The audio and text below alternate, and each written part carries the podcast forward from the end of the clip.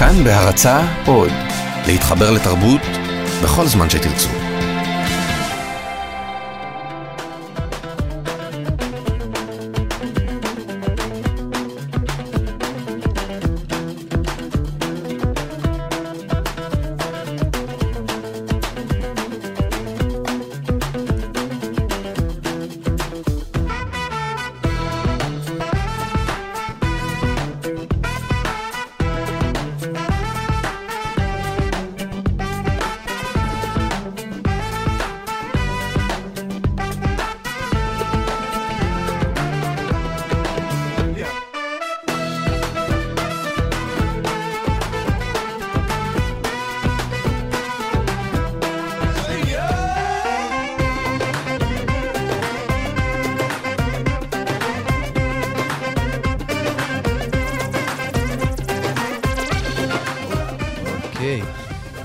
קפה גיברלטר, שישי שמח. אני אופיר טובול, ואתם אה, איתנו אה, כמדי אה, שישי אה, בכאן תרבות, 104.9 ו-105.3 FM באפליקציית כאן עוד. ובשידור חי גם בכאן 11 בטלוויזיה, מצפה לנו היום שעה מרתקת עם כמה וכמה אה, אורחים נכבדים. יהיה איתנו הרב משה ברוך, איתו נדבר על סבא שלו, אה, ברהן ברוך, שזכה לכינוי קייס הקייסים, מאחר והיה אה, המנהיג הדתי החשוב ביותר של אה, יהדות אתיופיה בדור העלייה לציון. יהיה איתנו גם הרב חיים אמסלם, שטוען שמי שמקשיב למסורת המזרחית האמיתית אמור להתנגד לחוק כמו חוק המרכולים. וממש תכף אה, נדבר עם אלירן מלכה ועומר פרלמן, שכבר איתי כאן אה, באולפן, אה, אנשי הסדרה החדשה והמרתקת שבאבניקים, שאני התמכרתי אליה. בקיצור, שעה מרתקת לפנינו. בואו נתחיל עם שיר של מאיר בנאי, שהיום זו שנה בדיוק לפטירתו.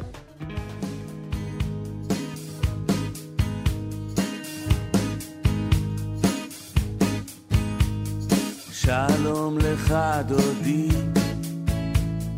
הצח והאדמון, שלום לך מאת, רכה כמו רימון, שלום לך דודי.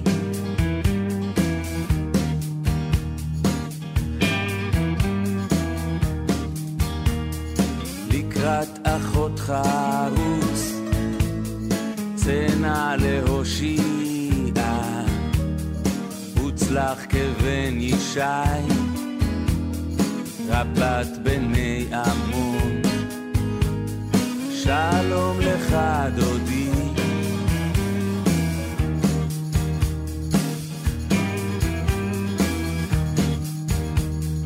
מלאך יפהפייה, כי תעוררי צלצלי קולך, קמהיל בכל פעמון. שלום לך דודי, שלום לך דודי.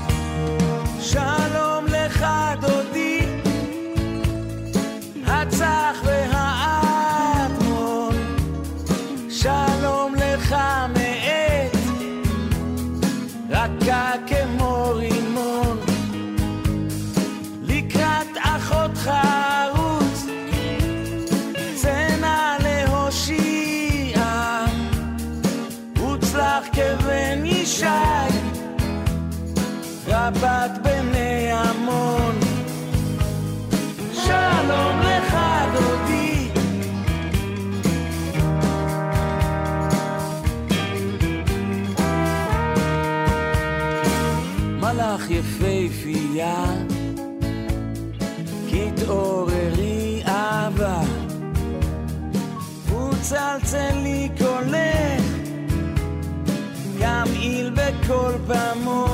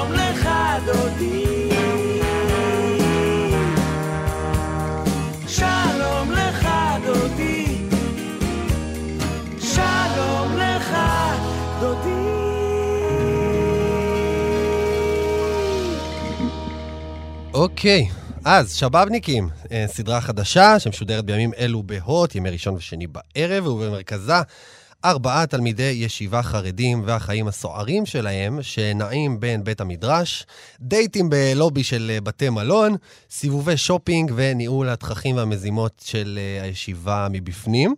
נמצאים איתנו כאן צמד שבאבניקים נכבד ביותר, יוצר הסדרה אלירן מלכה. שלום. בוקר טוב. ועומר פרלמן, שמשחק את אה, בחור הישיבה המתנשא, דוב לייזר. בוקר טוב. שלום.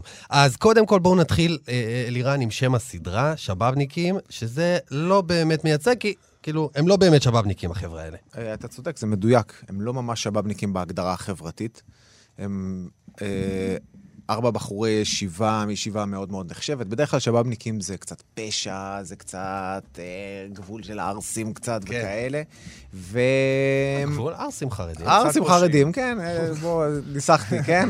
אבל אה, בשב"בניקים בהגדרה היותר רחבה, זה אנשים שהם על שני עולמות, שחיים בשני עולמות. מעבר להגדרה החרדית, ו... ויש את זה בסדרה, כלומר, הם באמת חיים בין זה שני באמת מה שמעניין, ב... זאת אומרת, זה מה שהופך את זה לסיפור-סיפור. זאת אומרת, נכון. הלא פה, לא שם, או כן פה וכן שם. או, זה הש... יפה, זו השאלה, האם זה באמת אפשר להיות שניהם ביחד, זו הסצנה הראשונה. מה זה שניהם? שניהם זה שתי עולמות.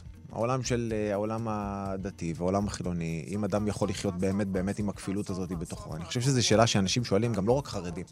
כן. אני חושב שגם דתי-לאומי, או גם סתם אדם מסורתי יכול להזדהות עם הרבה דברים שקורים שם. כן. עומר, אז ספר לנו קצת על הדמות שאתה משחק, דוב לייזר. דוב לייזר בראון, אה, הוא החוצניק, הוא מגיע מניו יורק, מנהטן, והוא איש העולם הגדול שכבר ראה ועשה הכל. אה, והוא, אפשר לחשוב שהוא כזה מיזנטרופ מתנשא, אבל הוא מאוד מאוד חכם, הוא קצת לא יודע איך אה, לבטא את זה החוצה. אז הוא מחפה על זה בהתנשאות כזאת, ויש לו לב זהב. יש לו לב זהב, יש עדיין לו לא לב ראינו זהב. את הלב זהב. כן. הוא לאט לאט יוצא החוצה. צריכים לתת לו זמן לצאת שלו. כאילו מצד אחד הוא קצת תלוש מהחבורה, זאת אומרת, מעולם הישיבה וזה, הוא... הוא איזה דמות שלפעמים מסתכל באמת על הסיטואציה, הסיטואציה קצת מרחוק, מהצד, יש לו איזושהי פרספקטיבה שהיא אחרת מהם. הם נורא נאבקים להוכיח את השייכות שלהם לעולם המודרני סביבם, והוא own it כבר שם. הוא כבר שם. מבחינתו, וגם זה, הוא מגלה שהוא הוא מתעמת עם זה אחרי זה. זאת אומרת, אני חושב שפרק 4, ויש... בפרק 4 שהוא כן. נתקע בשדה מוקשים, בעצם זה פעם ראשונה שהוא מבין שזה לא באמת בידיים שלו, ו...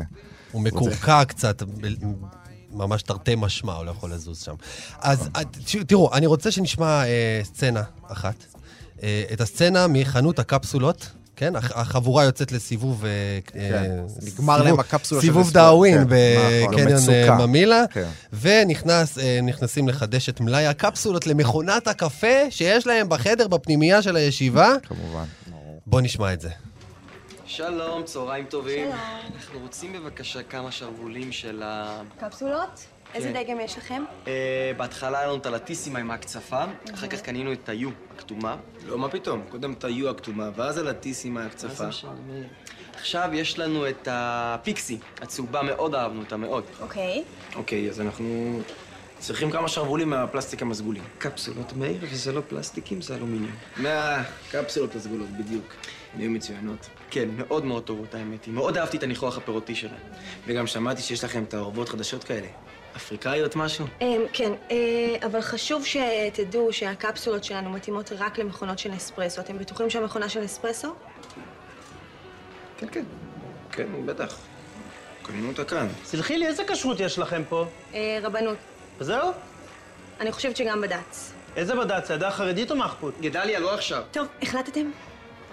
אנחנו ניקח... הם רוצים שלושה שרוולים של ארפג'יו ושניים של ריסטרטו. מה לא ברור לך? טוב, זה לא כתוב בשום מקום, תבררי לי בבקשה לפחות, זה חתם סופר, זה בית יוסף, זה מה? הלו? אני בודקת לך. בבקשה. סבלנות. לא קונים בכל חנות. אוקיי, אז אה, בואו בוא ננסה לנתח את ה- את הסצנה הזאת. יש לנו בעצם אה, ארבע דמויות. הבחור ישיבה, חננה, צול, צולניק? הצול, צול, צולניק, צדיק צולר. ורע לו. כן. צדיק ורע לו, שזה אגב, זה בטוח הולך להיכנס. נכנס כבר, נכנס, כבר, כן, כן, ברור. יצא לי כבר אה, לקלל אה, כמה אנשים, יצול. אוקיי, אז הוא אה, מחפש את הכשרות של ה- איזה בד"ץ יש לך בחנות של נספרסו. יש לנו את הבן של חבר הכנסת אה, מש"ס, שהוא רוצה מאוד.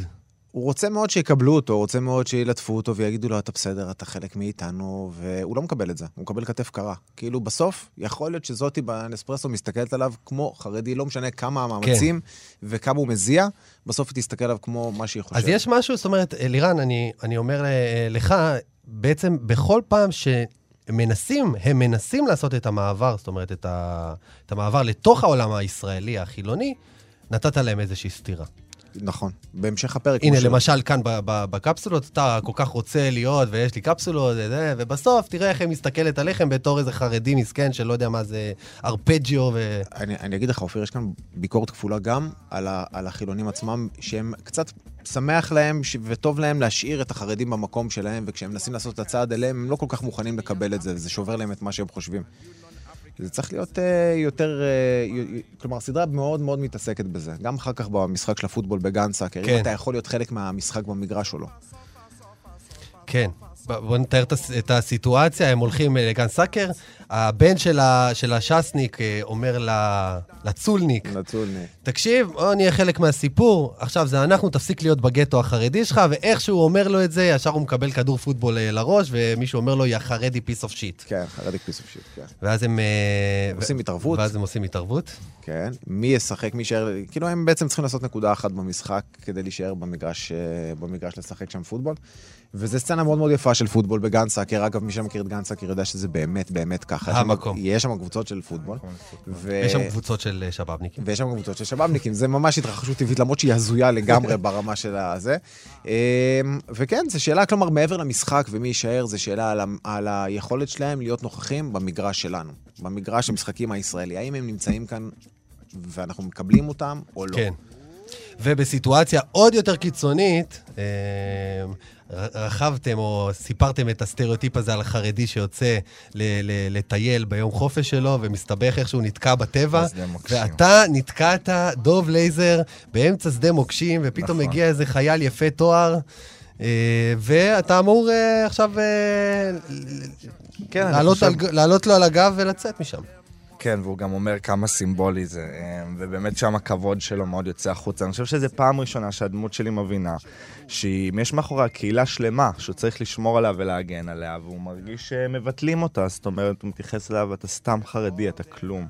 באיזה זלזול כזה, והוא יוצא שם למאבק להגן על קבוצה שלמה של אנשים שעומדת מאחוריו, ופעם ראשונה שהוא מרגיש איזו אחריות כלפם וכלפי העולם שממנו הוא מגיע. אה, והוא יוצא מעצמו שם, אני חושב. כן. נכון, זה פרק מאוד, זה פרק מאוד טעון, כי הוא נוגע בנקודה מאוד רגישה אצל ישראלים. של הגיוס לצבא. של הגיוס לצבא, אבל הוא הופך את זה למאוד מאוד אישי, ואני חושב שבפעם הראשונה ניסיתי לעשות פרק מנקודת מוצא שאני חייב להבין, אני, אלירן חייב להבין, את האמת של החרדי כשהוא לא רוצה להתגייס, ולהזדהות מנקודת מבט וככה לצלם את הפרק. ואני חושב שבאמת, באמת, את הפעם הראשונה, כלומר, כדי לעשות את זה, טכנית, מה שעשיתי, הייתי נוסע כל יום לתל אביב ומעלה בחורים על טרמפים, בחורים מישיבות בירושלים, ושואל אותם את השאלה הזאת, ומקליט... למה אתם לא מתגייסים? למה אתם לא מתגייסים? אומר להם על הסדרה ומקליט את הדיון. וכל פעם היה לי, הייתי אוסף אה, סטוק של טענות, וכל אחד אמר טענה אחרת, ובסוף היו באמת באמת טענות שאני אמרתי לעצמי שאין לי תשובה אליהן, שהן באמת טענות עומק ומעלות נקודות נכונות, וככה עשינו את הפרק. כשבעצם בסוף, במריבה הזאת, שהיא מריבה מאוד מאוד מאוד קשה, כלומר, קשה לראות חייל ככה ו- ו- וחרדי הולכים מכות על האדמה. כן. אבל אתה, אתה מבין את האמת של שניהם. הטענה החזקה שעלתה שם זה, אתה היית מתגייס לצבא אם כולם שם היו חרדים? נכון. זה בעצם מה שהוא אומר לחייל, והחייל באמת אומר לו, כאילו נשאר כזה... טיעון המחץ. נכון. אני חושב גם שהפרק הזה פשוט באמת מציב את, את הקונפליקט כמו שהוא, לא נותן איזה פתרון דווקא, הוא מציג את שתי הצדדים, גם הדמות שלי וגם החייל מטפסים על עץ גבוה גבוה גבוה, ושניהם תקועים שם בסופו של דבר ולא יכולים לרדת. נכון. כן. בגלל זה מציג באמת את שני הצדדים באיזה אופן שהוא מאוד אני, רחב. אני אתן טיפ רק, רק לפענח את הפרק, בגלל שאימא שלי כל הזמן אומרת, בצפייה השנייה אני רואה משהו אחר ממה שראיתי בצפייה הראשונה. תשים לב, בגלל תוכנית קפה גיברלטר, תשים לב מי הם שני האנשים שמתווכחים על האידיאלים?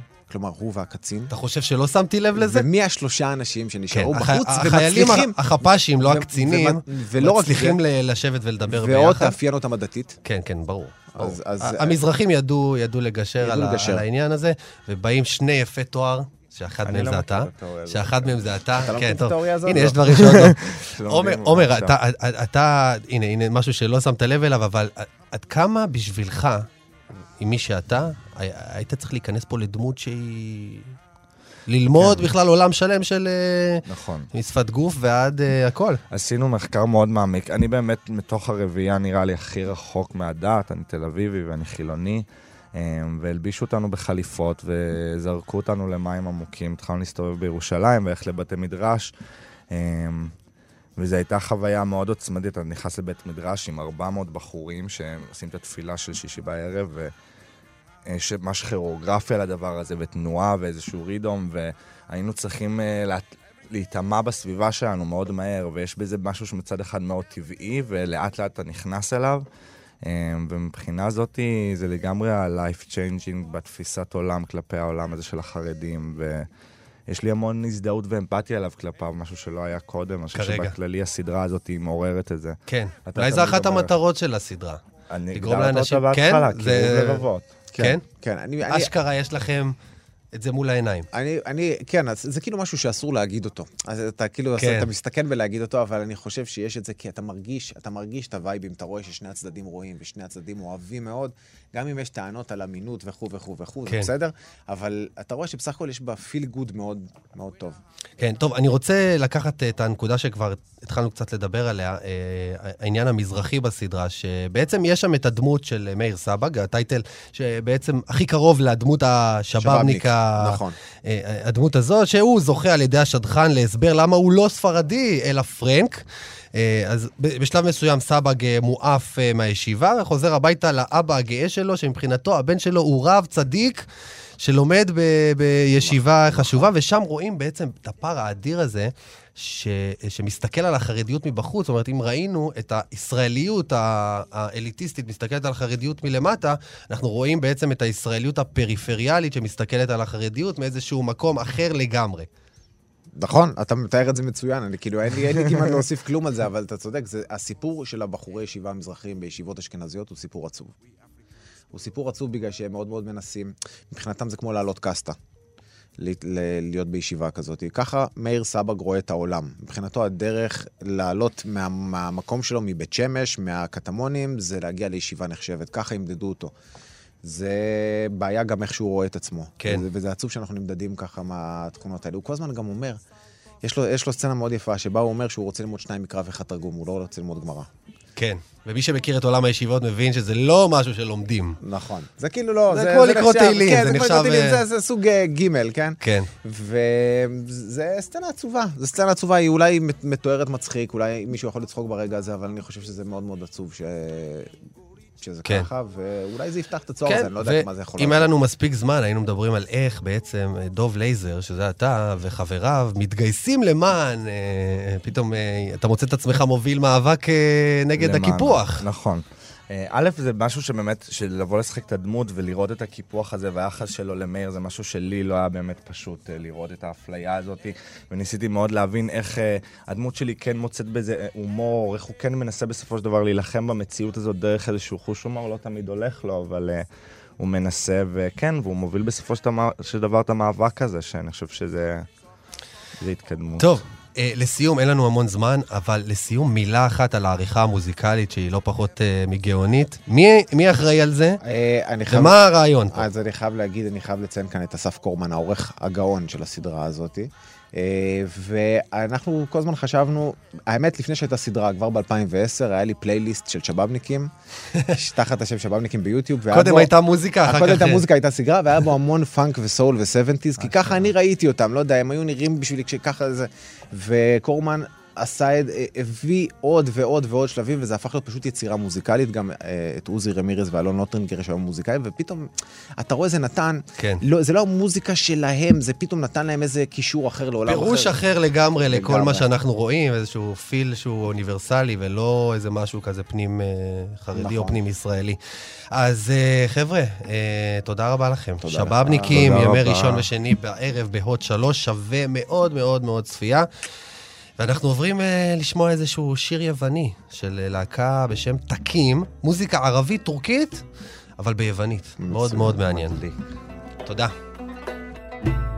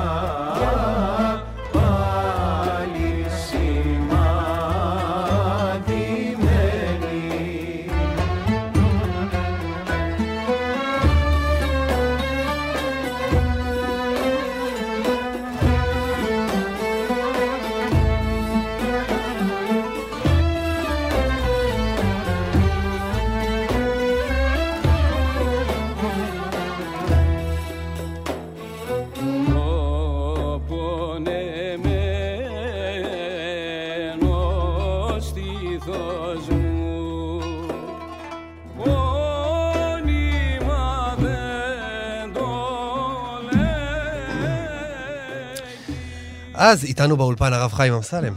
שלום אופיר. שלום, מה שלומך? בסדר גמור, אני מאוד. שמח להיות אצלך כאן היום. שמעת אותנו מדברים על אה, השבאבניקים? כן. ואתה אתה היית שם אה, פיזית אה, כשהרב עובדיה יוסף ואחרים הקימו את ש"ס, על רקע האפליה שבתוך המוסדות האלה, המוסדות החרדים אשכנזיים, עד, עד, כמה, עד כמה זה חמור? אה, זה חמור מאוד. קודם כל, הערה אה, קצרה, אני לא הייתי קורא להם השבאבניקים. כן. אלה שנמצאים זו בישיבה... הייתה השאלה הראשונה כן, ששאלתי אלה. נקראים המתחזים. כן. השבאבניקים הם בדרך כלל הספרדים והם ברחוב, הם בכלל נזרקו. אלה המתחזים, בדרך כלל הם האשכנזים, מיעוט ספרדים אליטיסטים, שההורים שלהם יודעים להשחיל את המעטפה מתחת לשולחן לראש ישיבה, ואז הוא משאיר אותם בישיבה. אחד הדמויות שם הוא בן של חבר כנסת. כן, כן, זה, זה הגיוני. הגיוני, וזו טרגדיה, זו טרגדיה שבישיבות האשכנזיות תמיד יש את המכסה של ה-25% לספרדים, דברים ידועים.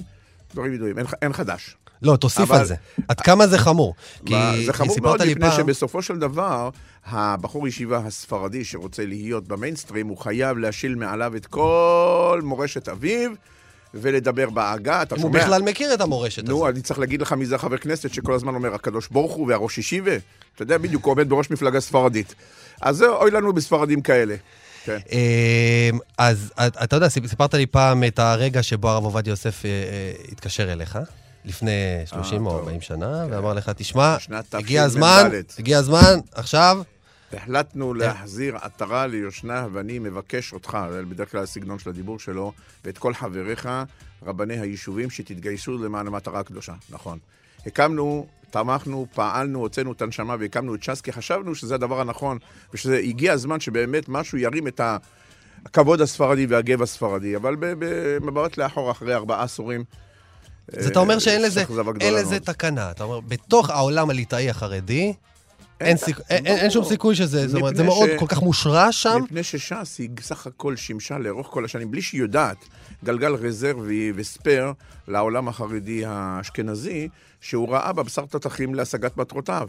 תראה, אם ש"ס, למשל, היא עכשיו מגרד את אחוז החסימה, אם היא נמחקת, מי שיתאבל זה לא הספרדים, זה אשכנזים, הם ישבו שבעה על זה. הם צריכים את ש"ס יותר מאשר הספרדים צריכים את ש"ס. אבל רגע, עזוב את העניין הפוליטי. עד כמה בתוך, זאת אומרת, במובן התרבותי העמוק של המילה, עד כמה הליטאיות, החרדיות, רחוקה מה-DNA הספרדי, כמו שאתה מדבר רחוקה עליו. כרחוק מזרח ממערב.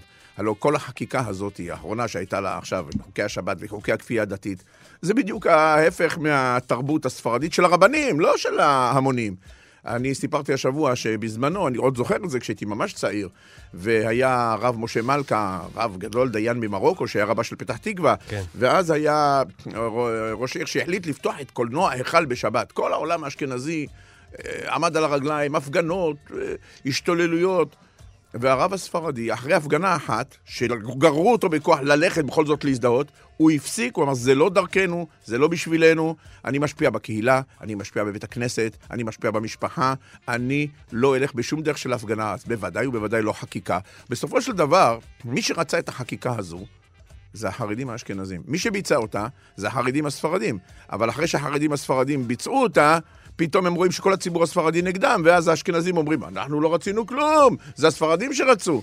נו, עבדים אמרנו. אז הר- הרב חיים, אני מבין ממך שליטאיות לא תואמת את, ה, את העולם הספרדי, אז לפני שנה בערך חשבת שאולי דווקא דרך הציונות הדתית, הכיפות ממש הסרוגות, כן. אה, ת, ת, ת, זה, זה, לכאורה הם הכי מתאימים, הסיפור של תורה ועבודה. כן, כן. בוא, בוא, בוא נ- נחזור על למה באמת חשבת על הסיפור של. תורה ועבודה, ומתינות, וכל הזה.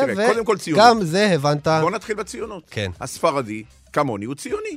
הספרדי כמוני הוא בעד שירות בצה"ל. הספרדי כמוני הוא בעד תורה ועבודה, ותורה והשכלה, וקדמה, כן. אז ומודרניות. לכאורה זה ממש תואם לכאורה, ל- זה הבית ל- שלנו, נכון. ובאמת שוכנעתי, תבוא כבר לציונות הדתית, ותחזיר לנו את ימי המפד"ל. אבל פעם פתאום מה גיליתי, ואני נדהמתי. התנשאו, אני לא רוצה להגיד מילה גזענות, כי זה, זה לא נשמע טוב, ואני לא חושב שבאמת יש פה גזענות. אני, אני גם אומר את זה כל הזמן. הציונות הדתית אוהבת את הספרדים, רק היא לא אוהבת את הספרדיות שלהם. ספרדי. חבר'ה, אל תהיי לנו, תתחילו לנו לזמר לנו במזמורים. כן. כשנכנסתי, אתה יודע, אתה שמת פה מוזיקה יוונית מאוד נעימה. אגב, במקאם היא אה, ביאת, ביאת אה, אפילו חוסייני. טוב, אתה גם זמר, נכון? אני לא זמר. פייטן. אני, אני לא פייטן, אני חזן. חזן, כן. אוקיי. אז זה דבר שנוגע לרגש הספרדי. הם, תשמע, ערב שבת הם רוצים קבלת שבת קרליבך, הם לא רוצים את הקבלת שבת הזו המזרחית, אז תהיו ספרדים, אל תהיו ספ... עם הספרדיות שלכם. ואז חוויתי את ההתנשאות ואת ההתעלמות של מר בנט ו... ומנהי וחברתו הספרדיה שמנפנפת בסבא או אבא שלא יודע שהוא חצי ספרדי. ש... ש... ש... כן. אז הנה, אנחנו, גם, גם לנו יש צ'ולי מועלם אוקיי, ואת הרב בן דהן. אז- אז- נו, חבר'ה, לא- תפסיקו אה, לעבוד על הספרדים, כן.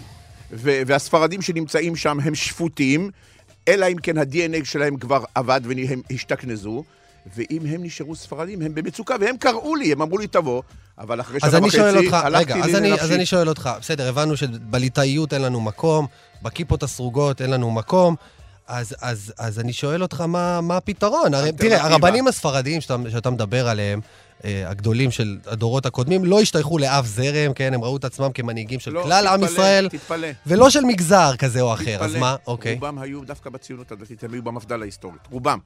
אבל הם הבינו עם הזמן שזה לא המקום שלהם והם ברחו. הוקמה ש"ס. למה? היא הפכה, אמורה הייתה להיות בית למסורתי ולדתי, וגם, וגם, זאת אומרת, וגם לחרדי, לליטאי. הספרדי, הליטאי בכלל לא היה קיים, אבל גם לחרדי הספרדי. הליטאיות הספרדית השתלטה, נתנה בעיטה למסורתיים, נתנה בעיטה לדתיים, נתנה בעיטה לכיפות השקופות, והם השתלטו על העסק הספרדי. אז חייבת לקום אלטרנטיבה. אולי בגלל שהדברים השתנו, אז האלטרנטיבה תהיה יותר בכיוון אה, פתוח יותר, אה, שתכיל אפילו מי שאינם ספרדים, או מי שאינם צפון אפריקאים, נגיד כך.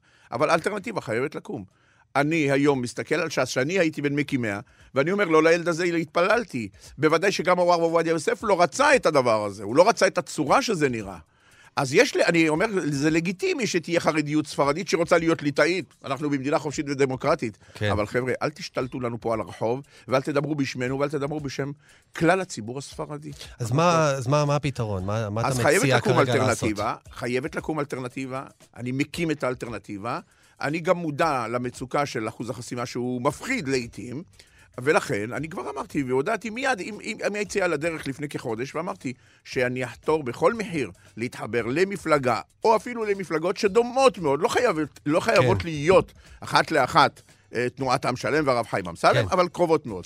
תראה, אני לא רוצה להיכנס יותר מדי לעניין הפוליטי, מפלגות וכל זה, זה פחות uh, התחום uh, שלי כרגע. אני רוצה אבל לדבר על, על התכלס, איך זה נראה. בוא נדבר שוב על חוק המרכולים. אתה אומר שאתה היית מתנגד לכזה חוק. בוודאי. אתה רוצה... אבל לה- אתה, אתה, אתה אתה, רוצה- הרי רב, ושבת היא נכון. בטח בוודאי חשובה לך. אני איאבק על כל יהודי ויהודי שישמור שבת, ואני אפעל ואשכנע במסגרות שתינתן לי האפשרות להיכנס אליהם, אם הוא בא לבית הכנסת כמסורתי, כן. אז אני מקדם אותו, ואני מביא אותו. אבל אתה רוצה לציבור שבלאו הכי הוא לא מבין את הדת, לכפות עליו שבת, מה אתה משיג? רק דחייה. מה אתה משיג? תוצאה טובה? אני אומר לך באחריות גמורה, ואת זה גם המפלגות החרדיות כבר מבינות את זה.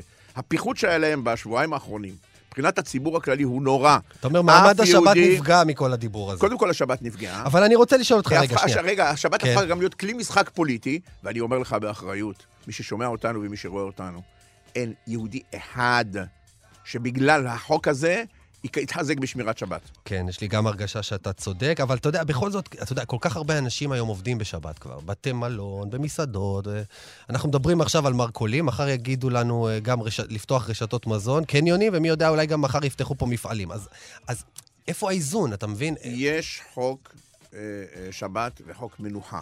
ועל החוק הזה נאבקים לא מעט אנשים שהם לאו דווקא דתיים. ואני הייתי אומר, במאבקים כאלה, ברגישות הכללית, הייתי נותן דווקא לחבר'ה האלה שיובילו את העניין, ושהמפלגות החרדיות לא יצט... יצטיירו כמטיפים בשער.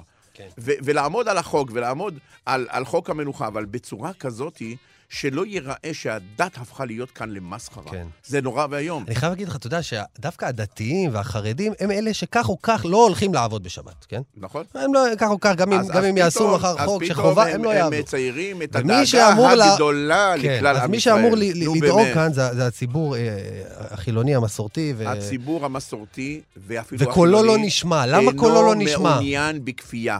אל תכפה עליי. כן. תשכנע, תסביר, תראה את היופי של השבת, תראה את העונג של השבת, תראה את האווירה, את שירי השבת, את שולחן השבת, תסביר כמה שבת היא קדושה. הסברה, לא בכפייה. הציבור המסורתי לא אוהב את זה. הציבור הספרדי שלנו בוודאי לא אוהב את זה, וזו הסיבה. תראה, ש"ס הגיע בימים גדולים ל-17 מנדטים. הרוב המצביעים היו מסורתיים. איפה הם היום? הם לא יכולים לראות את המפלגה הזו. מעבר לשחיתות, מעבר לחקירות על יושב ראש המפלגה, מעבר כל המיאוס הזה, אבל הם אומרים, זה לא אנחנו. מה פתאום שנצביע למפלגה כזו? כן. אז אה, הרב חיים אמסלם, אה, תגיד, דיברנו פעם על אה, הסיבה שבארצות האסלאם אף פעם לא היה סיפור של חילונים קיצוניים או של רפורמים. אה, ואתה אומר שזה קשור לזה. בלי שום ספק.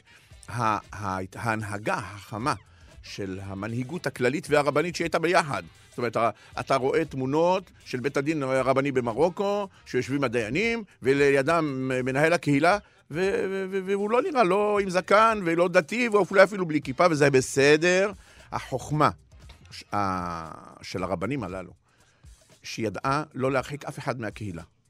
גם את זה שהוא בא לבית הכנסת אולי פעם בשישה חודשים, או פעם בשנה ביום כיפור בלבד. עם זה שמתפלל שלוש פעמים ביום בבית הכנסת. כולם תחת הקהילה, כולם ביחד. החוכמה הזו לא יצרה את הרפורמה, לא יצרה את הרפורמים, לא יצרה את הקונסרבטיבים, ולא יצרה שום תנועה כזאת, ולהפך.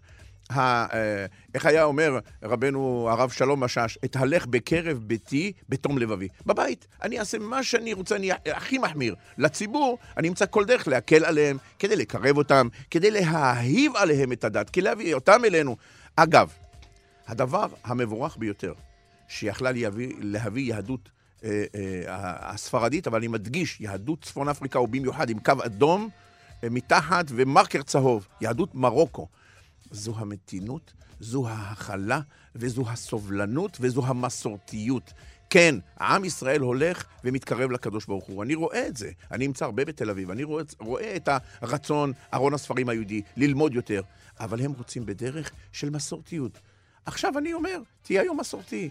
אני משוכנע שבבוא הזמן אתה גם תהיה יותר חזק בתורה ובמצוות, וזה בסדר. זו הדרך, אין דרך אחרת בלתה. תודה רבה לך, הרב חיים אמסלם. תודה לך. וכן, אנחנו כן. צופים, צו- אה, זאת אומרת, אה, מאוד מעניין מה אתה, מצפ... מה אתה מתכנן לבחירות הקרובות. אתמול עדינה בר שלום הודיעה שתרוץ, ואורלי לוי מתכננת לרוץ, ואני אומר, למה לא תרוצו כולכם ביחד פשוט? קודם כל, יש לי רק מילים טובות לומר על אורלי, על העשייה החברתית שלה. עדינה בר שלום עשתה מיני מהפכה בעולם החרדי. כל אחד בדרכו מביא תרומה. אני גם לא שולל חבירה, אני, לא שול... אני יודע שאיחוד כוחות הוא מביא ברכה, אבל צריכה להיות אלטרנטיבה אמיתית. ערכית. להקצנה ולקיצוניות. משני ו- הצדדים, אגב. אני אומר, אתה- אתה אוהב למקד את זה בהקצנה החרדית, אני אבל מסכים, גם ההקצנה החילונית אבל אני, אני לא יודע לקחה להצביע, איזשהו אני, כיוון. אני לא יודע גם להצביע מה הקודם, מה הביצה כן. ומה התרנגולת. האם ההקצנה דתית מביאה את ההקצנה החילונית, או ההקצנה זה- החילונית גורמת... כן. אבל איך שלא יהיה... אחד חל- מזין את השני. צריכה לקום אלטרנטיבה, ואני אה, אסיים רק במשפט קצר ואומר, אה, לעתים אני מרגיש פשוט שאין לי ברירה. לפעמים אני רוצה לומר, שמע, שלום עלייך נפשי. הייתי שמונה שנים בכנסת, אני פועל בזירה הציבורית, גם מחוץ לכנסת, אני עושה עשייה גדולה בהרבה תחומים שלא לא יוצא לדבר עליהם, אבל לא חשוב. אבל לפעמים אני מרגיש, אין לי ברירה. לא אתה בן חורין להיבטל, אז אם זו שליחות, ואם הקדוש ברוך הוא רוצה, וכך צריך להיות, זה יהיה. תודה רבה. תודה לך. בוא נשמע את אלני ויטלי, שער ביוון.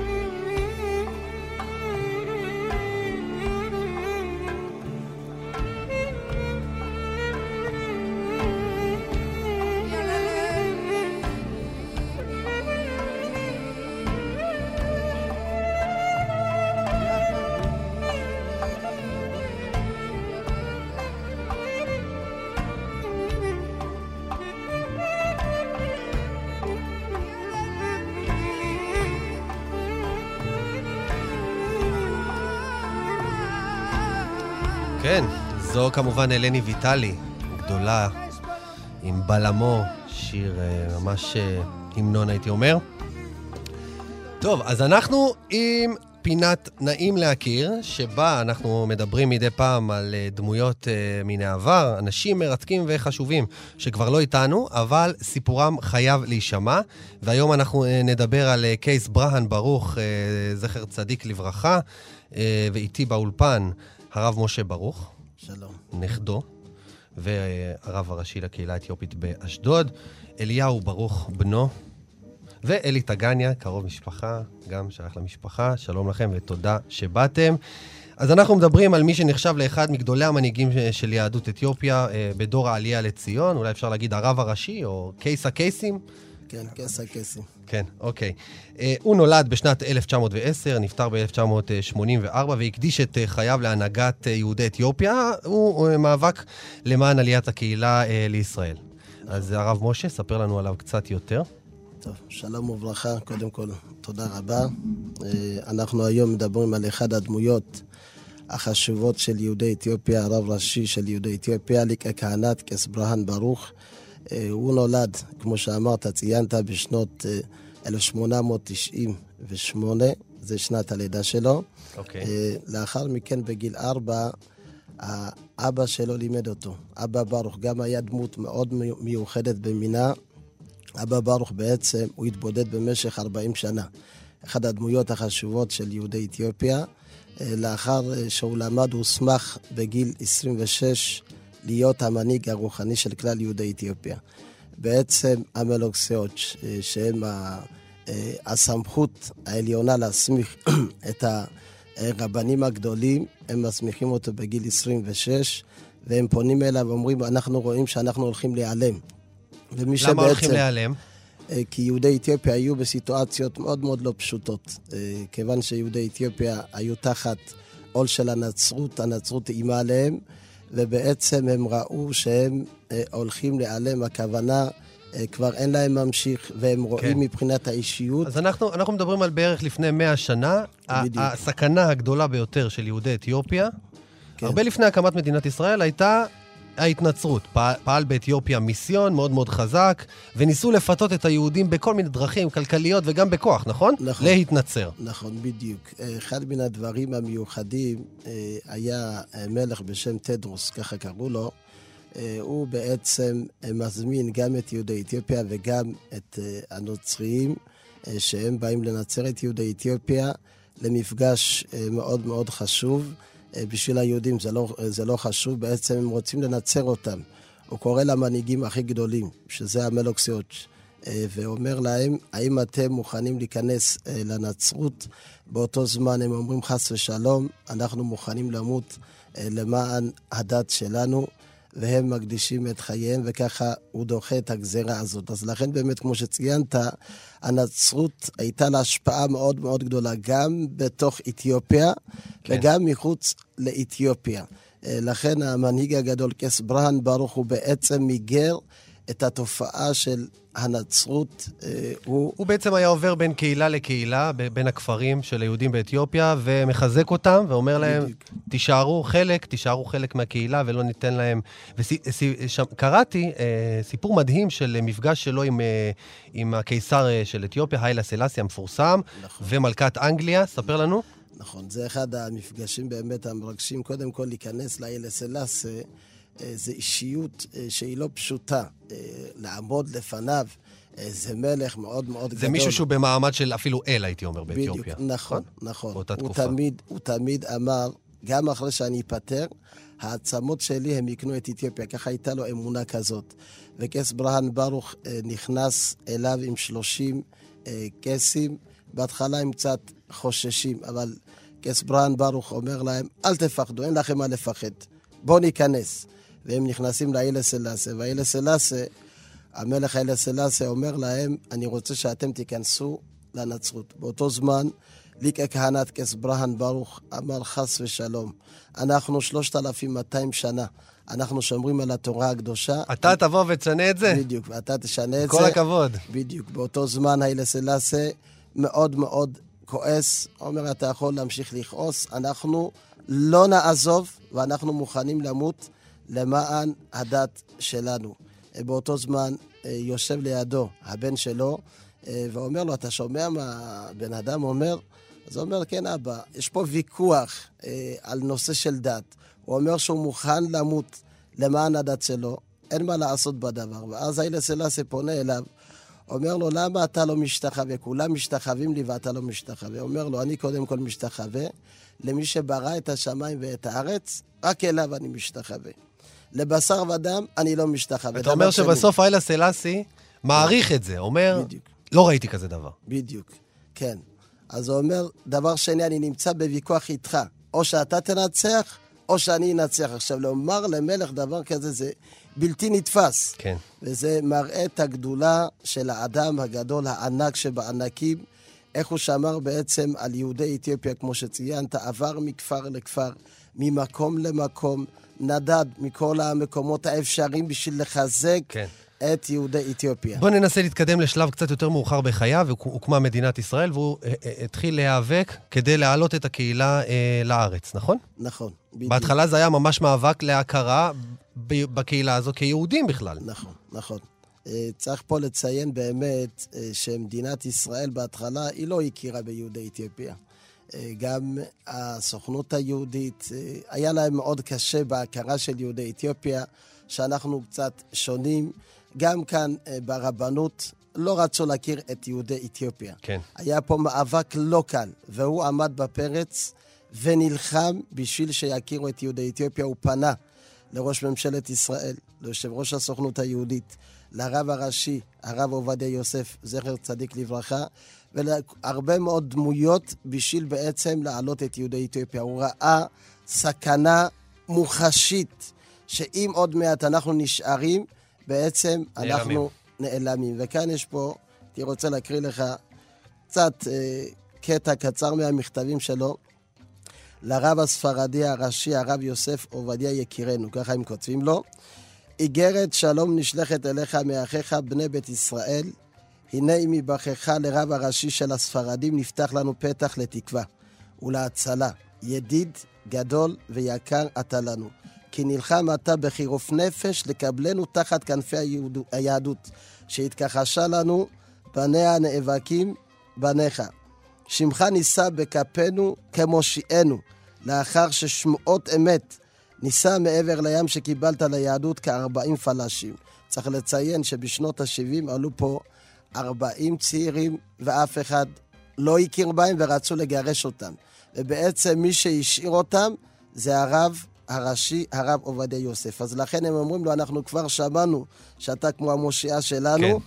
וקיבלת 40 צעירים. ובסוף, באמת, אה, הרב עובדיה יוסף אה, מוציא פסק הלכה שקובע שיהודי אתיופיה הם יהודים לכל דבר אה, אה, ועניין, מה שפותח בעצם את הדלת לעלייה של, אה, של יהודי אתיופיה. נכון, נכון. יש פה גם מכתב בעצם כן. של הרב עובדיה יוסף, שהוא כותב לראש הדת ביתא ישראל, רבי אורי בן ברוך כן. וכולי, ואז במכתב הזה בעצם הוא מציין שהוא הכיר ביהודי אתיופיה, ותמשיכו להילחם, ואנחנו עושים כמיטב יכולתנו, וגם אתם תעשו כמיטב יכולתכם. זמננו קצר, אני רוצה שתספרו לי עליו כאדם. בכל זאת, אבא שלך, סבא שלך, על הפן היותר אנושי, אנושי שבו. אולי אתה, אה, אה, אליהו ברוך, בנו. הבן של הקייס, קייס אברהם ברוק, שזכר לצדיק, הוא, הוא היה בן אדם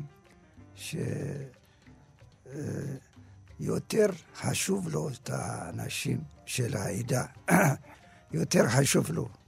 הוא לא חושב על עצמו, הוא נתן את הנשמה שלו עדיפות הראשונה לקהילה. ואתם, המשפחה הייתה קצת בצד, אתה אומר? זה הרמז? אנחנו הסתדרנו עם האימא שלנו, היא הייתה מטפלת בנו, אבל הוא יום ולילה לא ישן. ולא ישב. הוא ממש נלחם למען הקהילה, ויש אנשים שלא היה להם במה להתקיים, גם הוא יוציא הלכה. בזמן אה, שחלילה מישהו נפטר, כן. הוא יוציא הלכה, כל אחד ייתן את התרומתו. חייב להתגייס לטובת, אה, ל- כן, לטובת כן, כן. הסיפור. אז אה, שזה שיכול כן. לעזור לבן אדם שאני, אז אה, זה שהוא יוציא הלכה. הוא היה כן. הראשון. יש לך איזה סיפור ככה כנכד? ש- משהו, מחלק סוכריות, כן, אתה יודע, דברים שסבא עושה. כמו שהדוד אה, סיפר כאן, באמת היה אישיות אה, מאוד מאוד מיוחדת במינה. הוא אהב מאוד ילדים, הוא אהב ילדים. כל מקום שהוא היה, הילדים היו מתכנסים סביבו. הוא לא זלזל באף אה, ילד. כן. כל אחד ואחד הוא ראה בעצם שהם יכולים להיות המנהיגים הגדולים. אני, יש שאלה אחרונה, פשוט זמננו ממש, אנחנו לקראת, ממש סוף השעה. שאלה אחרונה, וננסה לתת תשובה קצרה. מה אתם חושבים הוא היה אומר על, ה, על, על המצב של, ה, של הקהילה אה, האתיופית בישראל היום? אנחנו יודעים עדיין שיש עדיין מאבקים ל, ל, ל, לשוויון, אה, אה, והקהילה נאבקת ממש על מקומה בחברה הישראלית. מה הוא היה חושב על זה? אה, קודם כל, אם הוא היה כאן, המציאות הייתה אחרת. אבל לצערנו הרב הוא לא איתנו. אבל רוחו נמצאת איתנו. ודאי שהוא היה נאבק, כי הוא תמיד איש של מאבק, שתמיד נלחם בשביל שיהיה שוויון זכויות לקהילה, גם אם זה עם האלה סלאסה, וגם פה במכתבים כן. שלו למדינת ישראל שאנחנו רואים. אה, ודאי שזה היה כואב לו, מה שכרגע מתרחש היום. אה, האיכות של הקהילה, הוא היה עובד על הדברים האלו. אה, אז אה, היה עושה הרבה מאוד אם הוא היה כן. חי. היה מאחד כן, את כן, כולם כן. יחד. בדיוק. אני מודה לכם, אה, אנחנו חייבים לסיים. דיברנו על הכהן הגדול של יהדות אתיופיה, ברן ברוך, או בשמו העברי אורי בן ברוך, והייתם איתנו, איתנו כאן הרב משה ברוך. ואליהו ברוך. אני שמח שהייתה לנו הזכות לדבר על דמות כל כך חשובה, ואנחנו מגיעים לסוף השעה. אז נגיד אה, תודה, תודה לכם. תודה רבה אה, למפיקה ולעורכת אה, שיר זיו, תודה לטל ברלינסקי, הטכנאי שלנו. ואת התוכנית הזאת ועוד אה, המון מוזיקה, פודקאסטים ותוכניות נוספות תוכלו למצוא באפליקציה של, אה, שלנו, של כאן תרבות, אה, אה, כאן עוד. תודה רבה לכם ושבת שלום. ואנחנו אפשר נסיים. עם אה, לך דודי בלחן אתיופי נפלא של אה, דרור מקוננט. תודה רבה.